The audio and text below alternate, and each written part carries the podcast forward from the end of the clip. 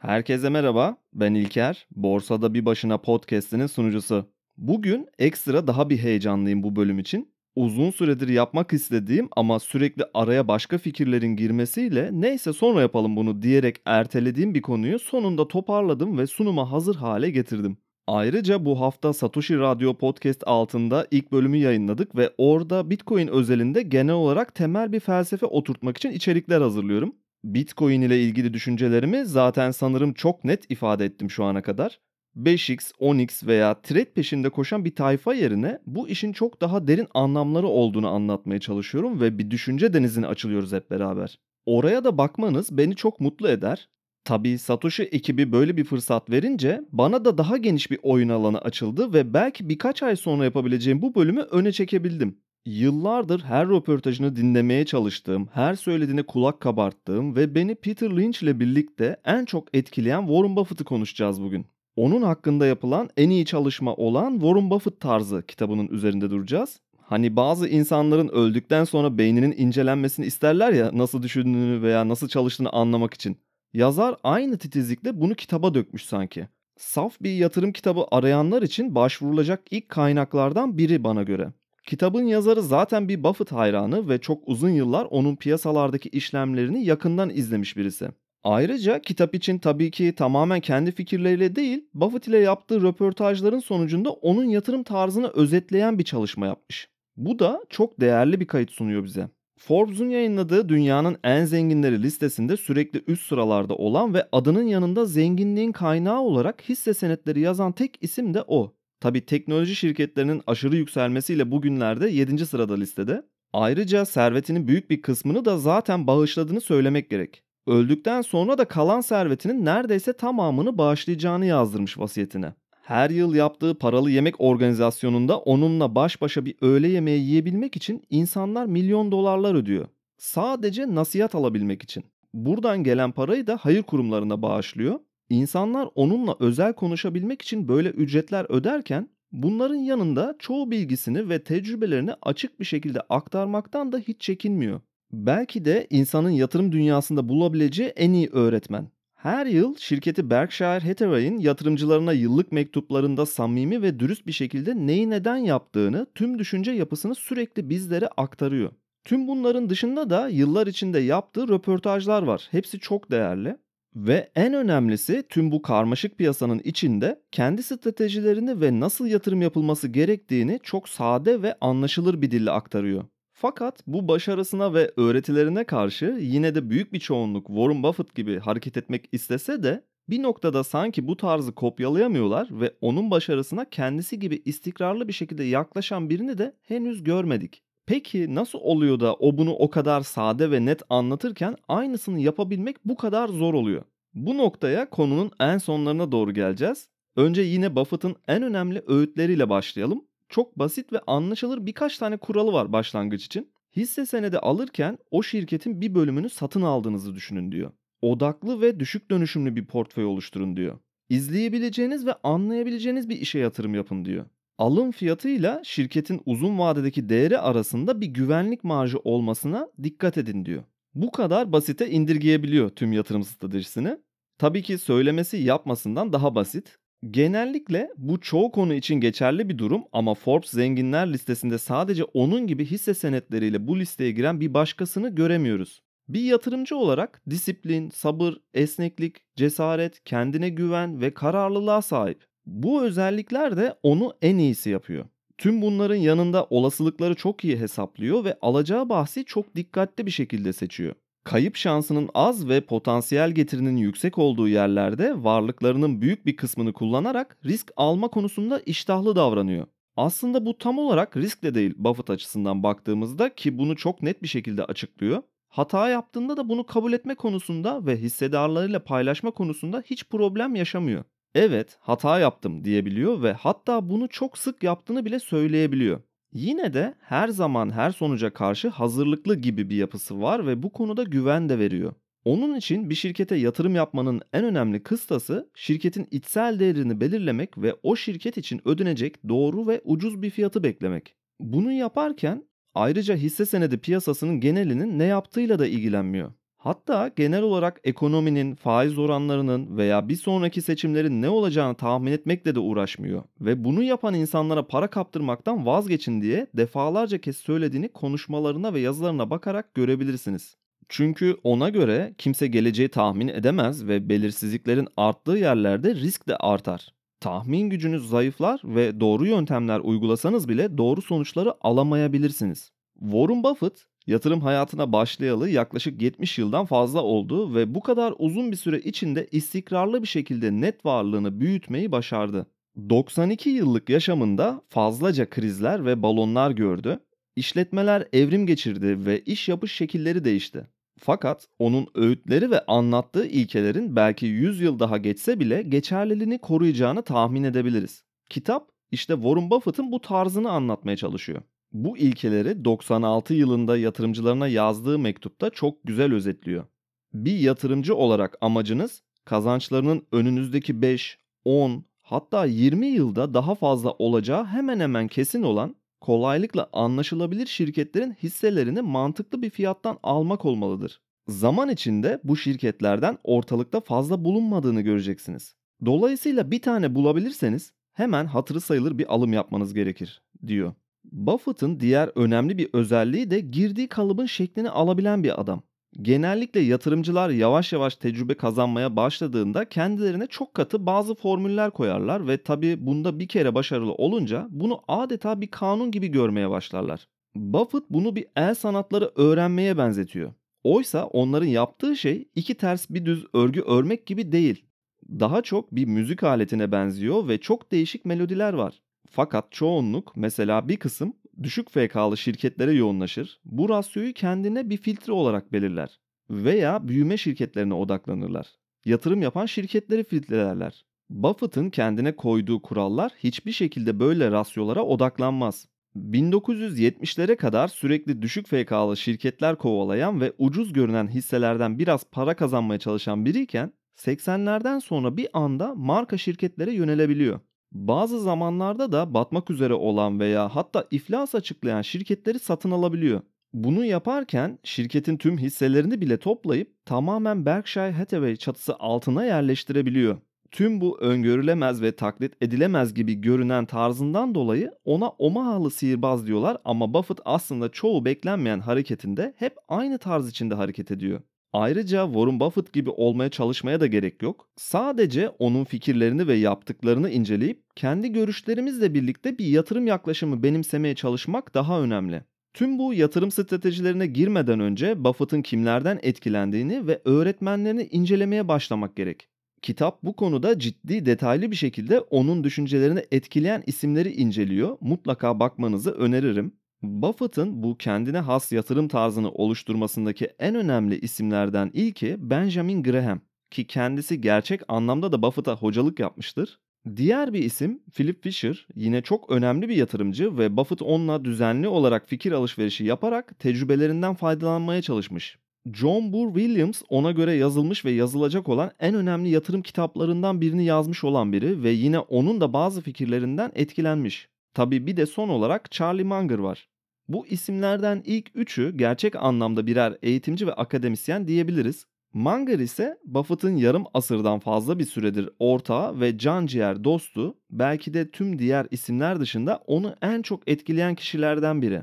Bu isimlerin kendi yatırım stratejilerine bakmadan ve Buffett'ın onlardan ne öğrendiğini incelemeden doğru bir temel atmış sayılmayız. Çünkü onun kendi ilkelerine geçtiğimizde tüm bu isimlerle ilgili açmak istediğim hepsinin kendine has stratejileri daha da büyük önem kazanacak. Bu isimlerden belki de en önemlisi Benjamin Graham. Akıllı Yatırımcı kitabının yazarı ve Buffett aradan 70 yıl geçmiş olsa bile hala bu kitapa atıflarda bulunur ve bir yatırımcının başucu kitabı olması gerektiğini söyler. Benjamin Graham finansal analistliğin duayeni sayılır hatta ondan önce böyle bir meslek olmadığını da söylemek lazım. Yazdığı çok önemli iki kitap var. Biri hemen 1929 büyük buhranından sonra 1934'te yazdığı güvenlik analizi, diğeri de çoğumuzun bildiği akıllı yatırımcı kitabı.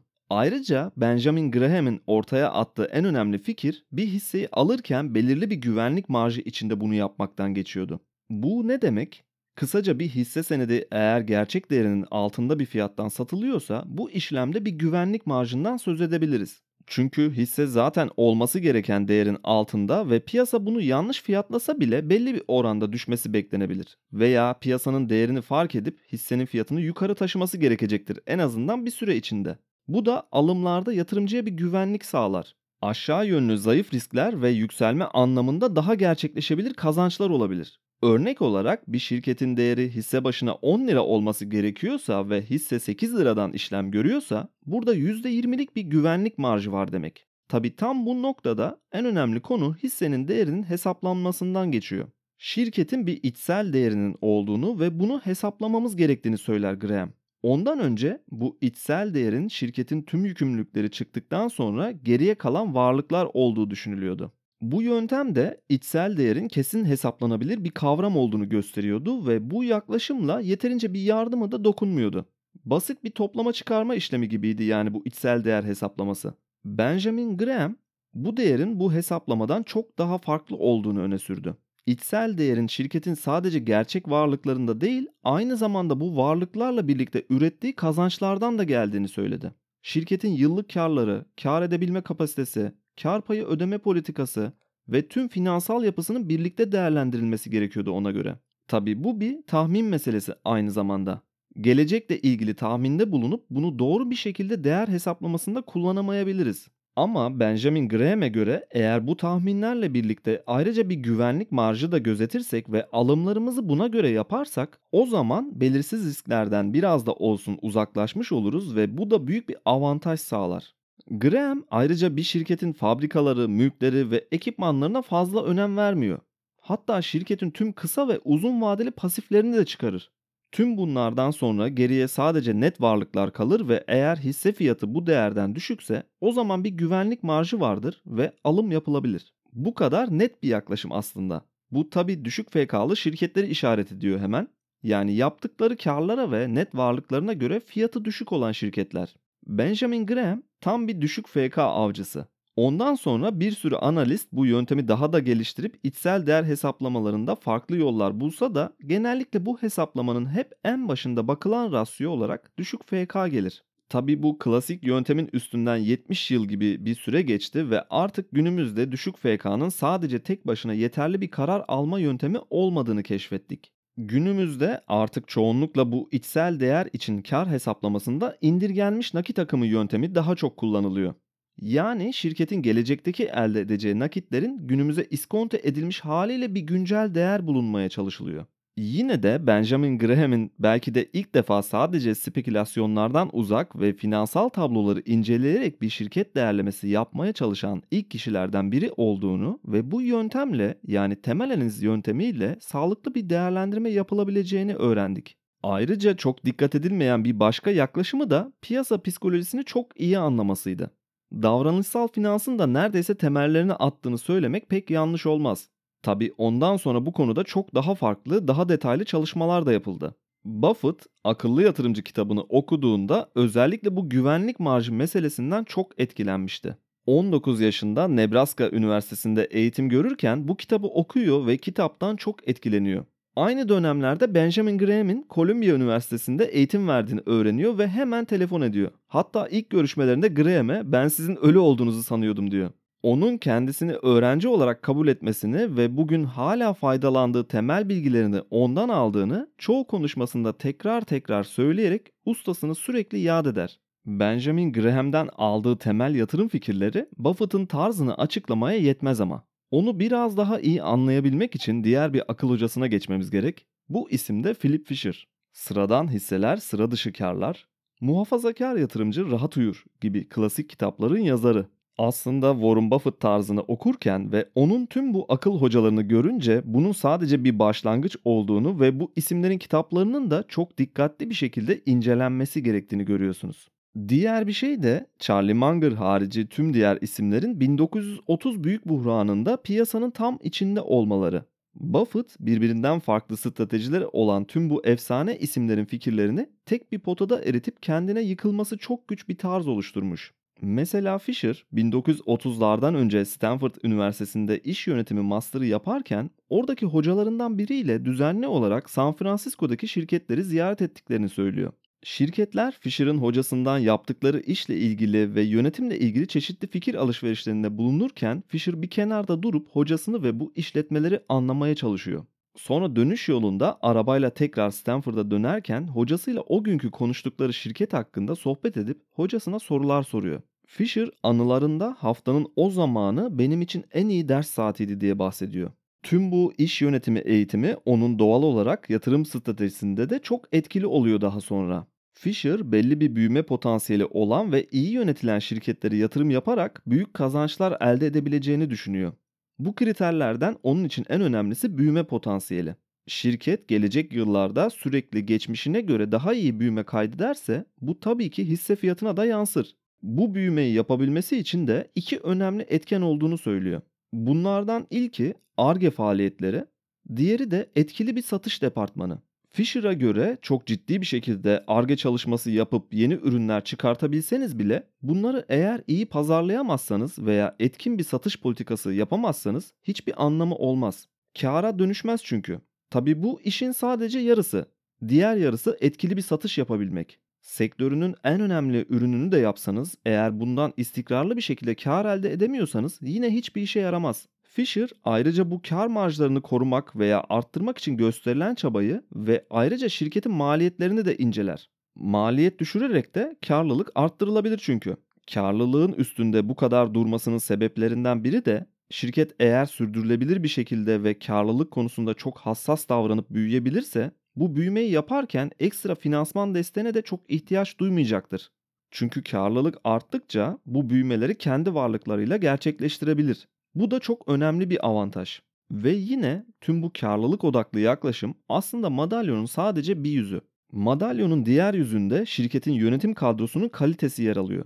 Fisher'ın iyi bir yönetici tanımı mevcut satıştaki ürünün piyasada etkisi azaldığı zamanlarda bile bu satışı arttırabilecek yeni ürün ve hizmetleri geliştirmede kıvrak kişiler olmalarını söylüyor. Ortalamanın üzerinde bir yönetici şirketin uzun vadeli planlarını uygularken aynı zamanda günlük faaliyetlere de odaklanır diyor. Tüm bunların dışında bu yeteneklerin üstüne bir de işin başında dürüst bir yönetim olup olmadığını da sorgular. Yönetim tüm hissedarların menfaatine mi hareket ediyor yoksa sadece kendi koltuklarının ve pozisyonlarının menfaatine mi? Bu sorunun cevabını sürekli sorgular. Ayrıca bir araştırmacı gazeteci gibi şirketi inceler. Müşteri ve tedarikçileriyle görüşür. Eski şirket çalışanlarının ve şirkete danışmanlık veren kişileri bulur. Onlarla konuşur. Belki de tüm bu araştırmanın en önemlisi şirketin rakipleriyle de görüşür. Çoğu yönetici kendi şirketi hakkında detaylı bilgi vermese de rakip şirketler hakkında konuşmayı çok sever, der Fisher. Bu gerçekten de çok etkili bir yöntem. Rakip bir firmadan bile olumlu yorum alan ve şirket rekabet anlamında da sinir bozucu olduğu düşünüldüğünde bu işleri kolaylaştırır onun için yatırım kararı alırken. Tabi bu kadar detaylı bir şekilde iş analizi, sektör analizi ve araştırma yapmak büyük bir iş yükü. Fisher'a göre bir sürü vasat şirketten oluşan çeşitlilik dolu bir portföy yerine sadece birkaç tane iyi şirket sahibi olmak çok daha iyidir. O yüzden portföyünde genellikle ondan az şirket tutmuş ve yatırımlarının dörtte üçünden fazlasını 2-3 şirkete dağıtarak yönetmiş. Fisher yatırımcıların birçok şeyi yapmaya çalışmak yerine sadece birkaç şeyi iyi yapmaları gerektiğine inanıyor. Bu yüzden anladıkları ve analiz edebildikleri alanlarda yoğun ve odaklı bir portföy oluşturarak yatırım yapmayı savunuyor. Warren Buffett'ı etkileyen diğer bir önemli isim de John Boor Williams. 1923'te Harvard'dan mezun olmuş, 1930'lara kadar Wall Street'te çalışmış. Büyük buhranla birlikte 1932 yılında Harvard'a yüksek lisans için geri dönüyor. Ve 1937 yılında artık günümüzde bir klasik kabul edilen yatırım değeri teorisi tezini yazıp yüksek lisansını tamamlıyor. Buffett'a göre bu şimdiye kadar yazılmış en önemli kaynaklardan biri. Williams bu tezinde o dönem ilk defa bir şirketin içsel değerini hesaplamada indirgenmiş nakit akımı yöntemini öne süren kişi. Günümüzde de oldukça popüler. Bir şirketin değerini belirlemek için o şirketin ömrü boyunca üreteceği nakdin miktarını tahmin et ve bunu günümüze indirge. Böylece şirketin gerçek içsel değerini bulursun diyor. Williams bu teoriyi açıklarken gelecekte şirketin üreteceği nakitleri hangi orana göre günümüze indirgeyeceğiz sorusunun cevabını net vermiyor. Herkesin kendine göre uygun bir oran bulması gerek burada. Buffett'ın bu konuda yorumu 30 yıllık devlet tahvilleri getirilerini ya da faiz oranları stabil ve düşükse hisse senedi piyasasının toplam getiri oranını kullanabilirsiniz diyor. Bu akademisyen 3 ismin ardından Buffett'ı en çok etkileyen isim Charlie Munger. Neredeyse 50 yıldır ortaklar ve Buffett'ın her konuşmasında, her yazısında sürekli olarak Charlie ve ben şöyle yaptık, Charlie ile konuştuktan sonra buna karar verdik gibi sürekli ondan bahsettiğini duyabilirsiniz. Sanki ikisi tek bir kişiymiş gibi bunu yapar ayrıca. Charlie'den o kadar etkilendi ki artık sadece çok ucuz hisseler peşinde koşmamaya başladı. Şahane bir şirketi makul bir fiyattan almak, makul bir şirketi şahane bir fiyattan almaktan çok daha iyidir şeklinde ünlü bir sözü de var ve hiç haksız da sayılmaz. Aslında Charlie Munger ile tanıştıkları 1960'lara kadar Buffett sadece Graham'den öğrendiği düşük FK'lı ve ucuz hisseler peşinde koşmanın bazen işe yaramadığını keşfetmeye başlamıştı. Bu şirketlerin bazılarının gerçekten kötü oldukları için ucuz fiyatlandığını görebiliyordu. Bazı kötü işlemler yaptı ve Graham'in katı kurallarından yavaş yavaş uzaklaşmaya başladı. Yani işe yaramadığını gördüğünde veya hata yaptığını anladığında kendini geliştirip farklı stratejiler geliştirebilen biri Buffett. Sadece tek bir öğretmene veya teoriye sıkı sıkı bağlanmıyor. Bunu itiraf ederken evrime uğradım ama gorilden insana ya da insandan gorile çok zarif bir şekilde geçmedim diyor. Benjamin Graham hisse senetlerini analiz ederken işin ayrıntılarına pek girmeyen biri. Kendi yöntemlerine göre ederinde bir şirkete bile bakmaz. Şirketin yönetim kadrolarıyla veya iş yapış şekilleriyle de ilgilenmiyor. Onun yaptığı şey tamamen rakamlar üzerinden bir şirketi anlamaya çalışmak. Eğer değerinden ucuz fiyatlanan bir şirket bulursa yani matematiksel olarak bir kazanç ihtimali varsa diğer soyut kavramları incelemeden alım yapar. Ve başarı ihtimalini arttırmak için de mümkün olduğunca çok sayıda kriterlerine uygun hisse bulup çeşitlilik sağlardı. Tabi bu sade ve kısıtlı yöntem eğer sadece bunlardan oluşsaydı Buffett ona bu kadar hayran olmazdı ve öğrencisi olmak için okulunu değiştirmezdi. Bunu kendisi de açıkça söylüyor. Benjamin Graham tüm bunları yaparken özellikle bir güvenlik marjından bahsediyor. Oldukça güvenli bir tarafta kalarak bu işlemleri yaptığı için risk miktarını çok düşük seviyelere çekebiliyor. Buffett bugün bile hala bu güvenlik marjı kavramına göre hareket eden birisi. Ayrıca Benjamin Graham'den hisse senedi piyasalarının ya da onun deyimiyle bay piyasanın coşkulu ve depresif dönemlerinden etkilenmemesi konusunda önemli dersler öğrenmiş. Piyasada çoğu yatırımcıda var olan bu duygular hisse senetlerinin fiyatlarını bazı dönemlerde içsel değerinden çok yukarı sürebilir veya daha da önemlisi bazı zamanlarda bu değerin çok çok altına çekerek bir güvenlik marjı yaratabilir. Buffett işte Benjamin Graham'den bunun tespitini yapabilmeyi öğrendiğini söylüyor. Başkaları korkarken aç gözlü ol, başkaları aç gözlüyken korkak ol şeklindeki o ünlü sözünün çıkış noktası da işte bu öğretiler. Ayrıca Buffett en önemli hocası Benjamin Graham'in öğrettiğinin aksine bir noktada kendini tekrar güncellemeyi başarabilmiş. Mesela Fisher sayesinde çeşitlendirme yerine daha odaklı portföyler yönetmeye geçiş yapıyor. Fisher'a göre çeşitlendirme riski de arttıran bir kavram.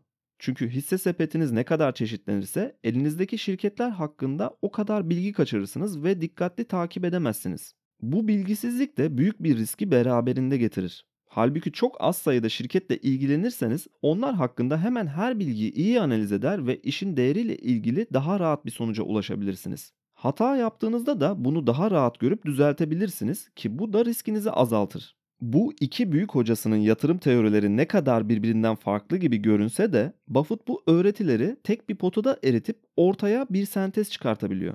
Warren Buffett işle ilgili daha soyut yaklaşıp Fisher gibi düşünüyor ama fiyat ve değerleme konusunda daha matematiksel yaklaşıp Benjamin Graham gibi düşünüyor. Hatta bir zamanlar ben %15 Fisher, %85 Graham'im demişliği de var.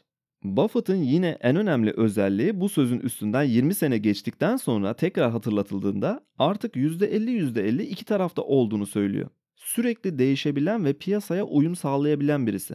Buffett'ı Fisher'a daha da yaklaştıran isim tabii ki de Charlie Munger'dan başkası değil. Buffett'ın tüm bu etkilendiği isimleri düşününce tüm bu farklı fikirlerden nasıl yararlandığı ve ortaya kendi sentezini ve tarzını çıkardığını çok daha rahat görebiliyoruz. Benjamin Graham Buffett'a temel eğitimi verdi, güvenlik marjı kavramını ve piyasa psikolojisini kendi avantajına kullanabilmeyi öğretti. Fisher bir şirkete bakarken buna bir iş olarak bakmayı ve yöneticilerin etkilerini, şirketin kar yaratma potansiyelini ve uzun vadeli düşünebilmeyi gösterdi. çeşitlilik yerine odaklı bir portföyünde iyi olabileceğini anlattı. Williams da bir şirketin değerini hesaplarken belki de gerçeğe en yakın yöntemin olduğu bir model gösterdi. Charlie Munger bazen ve hatta genellikle iyi şirketlerin ucuz fiyatlara alınamayacağını söyledi.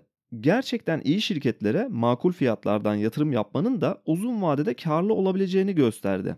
Tüm bu farklı isimlerden bu en iyi yönlerini almak yerine insan herhangi birinde de saplanıp kalabilir veya hepsinin en kötü yanlarını aldığınızı düşünün bir de. Warren Buffett'ın başarısının sırrı bu sentezi çok iyi yapabilmiş olması aslında. Kitapta ayrıca Buffett'ın tarzını yaratan 12 farklı kuraldan bahsediyor. Kendine seçtiği öğretmenlerinden öğrendiği ve izlediği bir dizi ilkeleri var. Warren Buffett yatırım yaparken kendimizi piyasa analisti veya makroekonomik analist hatta hisse analisti bile değil şirket ve iş analisti olarak görürüz der. Bunu yaparken takip ettiği ilkeleri dört başlığa ayırıyor. İşin kendisiyle ilgili baktığı kurallar var. Yöneticileri değerlendirdiği kurallar var. Şirketi finansal açıdan incelediği yine bazı rasyoları var. Fiyat ve değer konusunda uyguladığı yöntemler var. Bu şekilde bir şirketi dört başlığa ayırıp bunların kırılımlarıyla birlikte basite indirilmiş olarak kontrol ettiği kendince 12 ilkesi var. Ve bana kalırsa en önemli nokta da burası. Bu ilkeler ve takip ettiği yöntemler sayesinde her piyasa koşulunda doğru kararlar verebiliyor. Buffett'ın tarzını kopyalamak isteyenler için ilk bakılması ve uygulanması gereken şeyler de bunlar. İlk önce yatırım yapılmak istenen işin basit ve anlaşılır olması gerektiğini söylüyor. Bu rahat kavrama özelliğiyle birlikte şirketin kar tahminleri ve değer tahminleri daha kolay bir şekilde yapılabilir. Böylece bu yolu izleyen yatırımcı alsat yapan trader'dan daha ilk bu noktada ayrılmış olur. Çünkü yatırımcı bir alım işlemi yaptığında o şirketi inceleyip gelecek karları üzerine yaptığı tahmine ve şirketin değerlemesine güvenerek hareket eder. Yatırımcının ikna olmuş olması gerekir. Al veya alma kararı ve buradaki güvenlik marjı çok önemlidir der. Geleceği tahmin etmek her zaman için çok zordur ve özellikle hisse senedi piyasalarında bunu yapıyorsak en azından basit ve anlaşılır işlerle ilgili analiz yaptığımızda doğruluk payı daha yüksek olur. Anlamadığı bir işle ilgili asla yatırım yapmaz. O yüzden 2000'lerdeki .com çılgınlığını ve son 10 yıldır yaşanan teknoloji çılgınlığını pas geçtiğini görebilirsiniz. Daha yeni yeni Apple'a yatırım yapmaya başladı. Hatta bugün Berkshire Hathaway'in portföyünün %40'ını Apple hisselerine kaydırdığını görebilirsiniz. Bu onun geç kalmış olduğunu göstermiyor. Sadece işi henüz daha yeni anladığı anlamına geliyor. Bu konuda kendine güvendiği anda da portföyünün yüklü bir bölümünü bunun için kullanmaktan hiç çekinmiyor.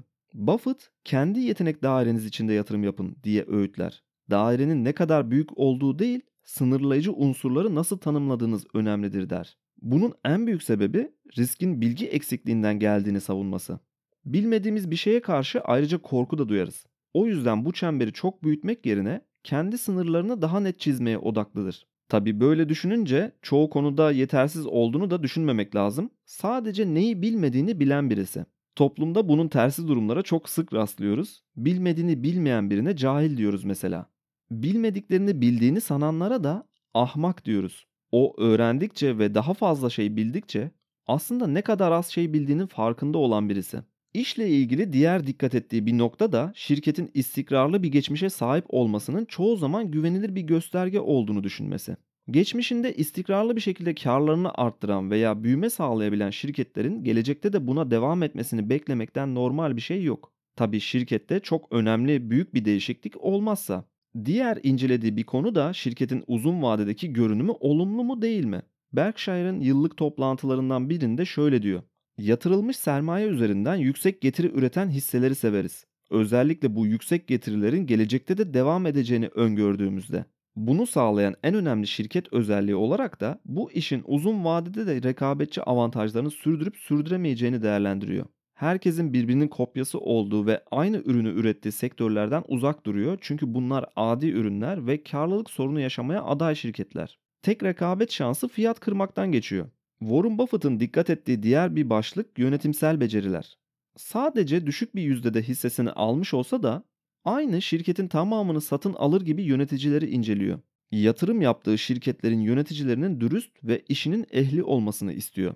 Toplum içinde başkalarını yanıltan genel müdür, yalnızken kendisini de yanıltabilir der Buffett. Ayrıca kurumsal zorunluluklar konusuna dikkat ediyor. Öğrenciyken yöneticilerin hepsinin zeki, dürüst ve mantıklı kararlar aldıklarını düşünürken iş hayatına atıldığında bu yeteneklerin kurumsal zorunluluklar nedeniyle çoğunlukla ikinci plana atıldığını görmüş. Bunu dört şekilde tespit ediyor. İlki bir kurum mevcut gidişatı değiştirmemeye direniyorsa. İkincisi işin yapılışı tüm zamanı meşgul edip gerekli ARGE çalışmaları yapılamıyorsa. Üçüncüsü aptalca rüya projeler sunan yöneticiler çalışanlar tarafından hemen desteklenip ayrıntılı raporlarla destekleniyorlarsa. Dördüncüsü sektördeki diğer şirketlerin büyüme, küçülme veya buna benzer stratejik kararları hiç düşünülmeden hemen kopyalanıyorsa işte bunların olduğu yerde kurumsal zorunluluklar var demektir diyor. İşin kendisiyle ve yöneticilerle ilgili ilkelerinden sonra dikkat ettiği şey tabii ki artık şirketin finansal durumu. Fakat Buffett burada şirketi çeyreklik hatta yıllık bile değil 4-5 yıllık raporlarının sonuçlarına bakarak değerlendirir. Bu kısımda çok net takip ettiği rasyoları var. Onun için belki de en önemlisi hisse başı kâra odaklanmak yerine şirketin sermaye getirisine bakıyor.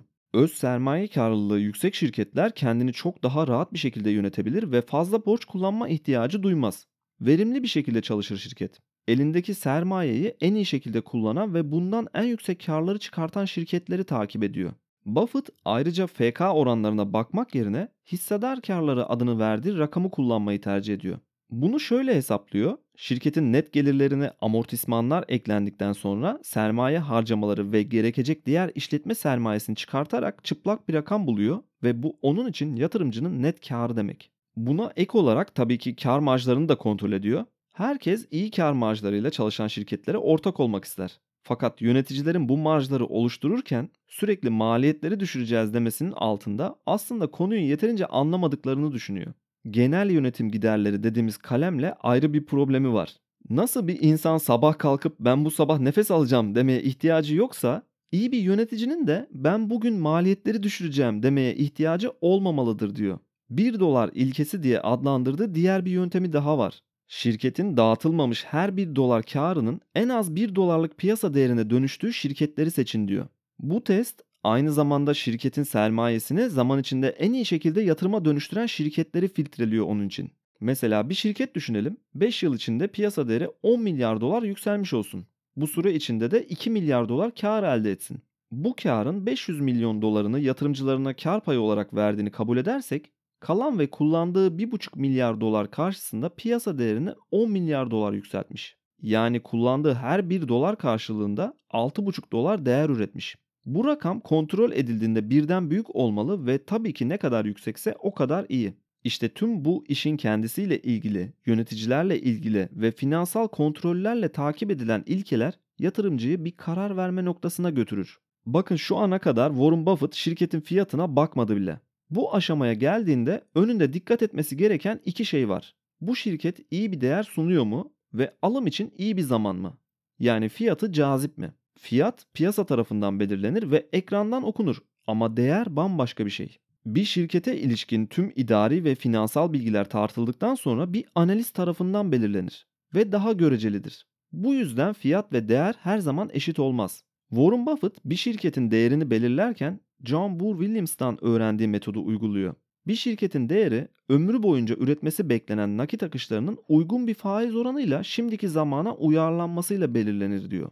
Daha basit olarak bu değeri hesaplamak için şirketin bundan sonraki hayatı boyunca üreteceği toplam karları tahmin edip o toplamı bugüne iskonto etmek demek bu. Burada bu arada kar derken Warren Buffett'ın kendi yöntemi olan hissedar karlarını kullandığını söylemek lazım. Eğer şirket o zamana kadar istikrarlı bir karlılık performansı göstermişse, işi basit ve anlaşılırsa Buffett şirketin gelecek karlarını belli bir isabet düzeyinde tahmin edebileceğine inanıyor. Eğer bu inancı yoksa şirketi değerlemeye bile kalkmaz. Çok yakın arkadaşı Bill Gates'in şirketi Microsoft'a uzun yıllar boyunca yatırım yapmamasının sebebi de tam olarak bu. İşe anlamıyor ve bir yargıya varamıyor çünkü. Bunu da açık bir şekilde söyleyebiliyor. Ayrıca şirketleri Benjamin Graham'den kalma bir alışkanlık olarak iskontolu fiyatlardan almaya çalışıyor. Böylece bir güvenlik marjı da yaratmış olduğunu düşünüyor. Charlie Munger onu bu güvenli taraftan ve sadece ucuz olan şirketlerin iyi olacağı mantığından biraz daha geniş bir pencereye geçirdi tabi. Warren Buffett'ın tarzını çok sade ve açık bir şekilde anlatan bu kitap, kendim için çıkardığım bu önemli noktalar haricinde de altın değerinde bilgiler ve hatta hisse satın alma süreçleriyle ilgili gerçek örnek tecrübeler sunuyor. Buffett'ın tarzını kendi diliyle özet geçmek gerekirse uyulması gereken altın kurallar olarak şunları öneriyor. Yatırımlarınızı sağlam yöntemlerce yönetilen olağanüstü şirketlere yoğunlaştırın. Bu şirketlerin sayısını gerçekten iyi anlayabildiklerinizle kısıtlayın. 10 mesela iyi bir rakam. 20'nin üstü bela aramak demek. Bulduğunuz şirketlerin en iyisini seçin ve portföyünüzün büyük bir kısmını onlara koyun. Uzun vadeli düşünün. En azından 5 veya 10 yıl. Volatilite normaldir. Kafaya takmayın. Benim yorumum Buffett tüm piyasaya sanki bir açık büfe gibi yaklaşıyor. Büyük bir heyecanla büfeye bakıyor ama kendine aynı zamanda katı bir diyet programı da uyguluyor. Herkesin saldırdığı ve tabağını garip kombinasyonlarla doldurduğu bu açgözlülükten uzakta sadece sevdiği tatları ve doyabileceği kadarını tabağına alıyor.